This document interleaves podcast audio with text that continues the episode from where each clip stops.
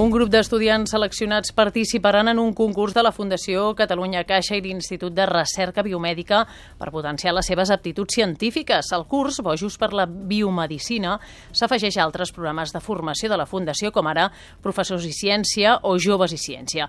Fa una hora hem sentit els organitzadors, ara volem parlar-ne amb els estudiants que hi participen.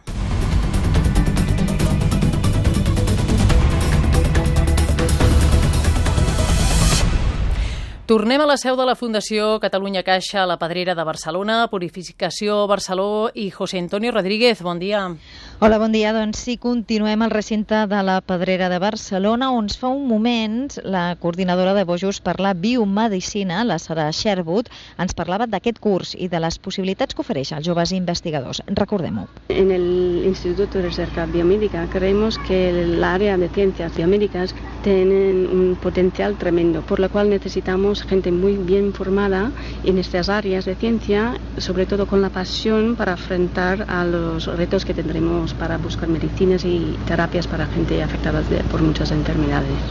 Ara tenim amb nosaltres a la Núria Berlanga per saber l'opinió d'un dels alumnes que han participat en els programes de formació de l'Institut de Recerca i de la Fundació. Bon dia, Núria. Bon dia.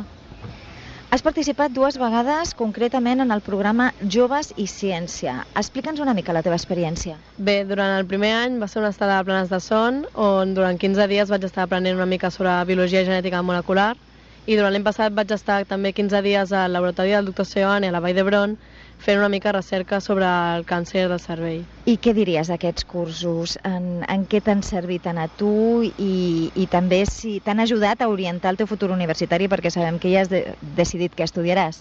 Sí, de fet jo no tenia molt clar què volia estudiar i gràcies a això doncs, m'ha fet decantar que sí que de gran vull investigar Llavors, doncs, alguna carrera així orientada a biomedicina, com podria ser biologia humana o ciències biomèdiques. Perquè els altres alumnes que s'estan plantejant si participar o no tinguin una idea més clara de què són aquests cursos. Explica una mica què feies, per exemple, un dia de classe en, en un d'aquests cursos.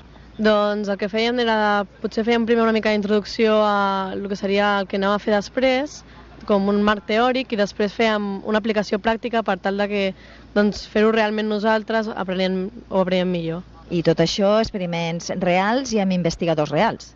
I tant, tot eren gent que estan al dia a dia al laboratori, ens portaven material tot de laboratori, amb, eh, treballàvem, per exemple, amb bacteris o amb diferents, amb ADN, el nostre propi ADN, no sé, coses molt reals. I què li diries a companys teus que s'estiguin pensant presentar-se al procés de selecció d'aquest curs Bojos per la biomedicina? Doncs jo els agradaria que és, una, és un projecte que els ajudarà molt, que aprendran moltíssimes coses i realment que això serà tot el que tindran i que ja aquestes experiències no li treu ningú i els ajudarà molt en el seu futur.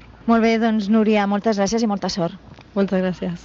Doncs un nou programa de formació científica per estimular en els nostres alumnes l'esperit investigador, Bojos per la biomedicina. Recordem que el procés de presentació de candidatures acaba a finals d'octubre, després començarà la selecció i el curs es farà a partir del gener i durant tot el 2013. Seran 24 estudiants els que tindran la possibilitat de participar en experiments reals amb investigadors de l'Institut de Recerca Biomèdica.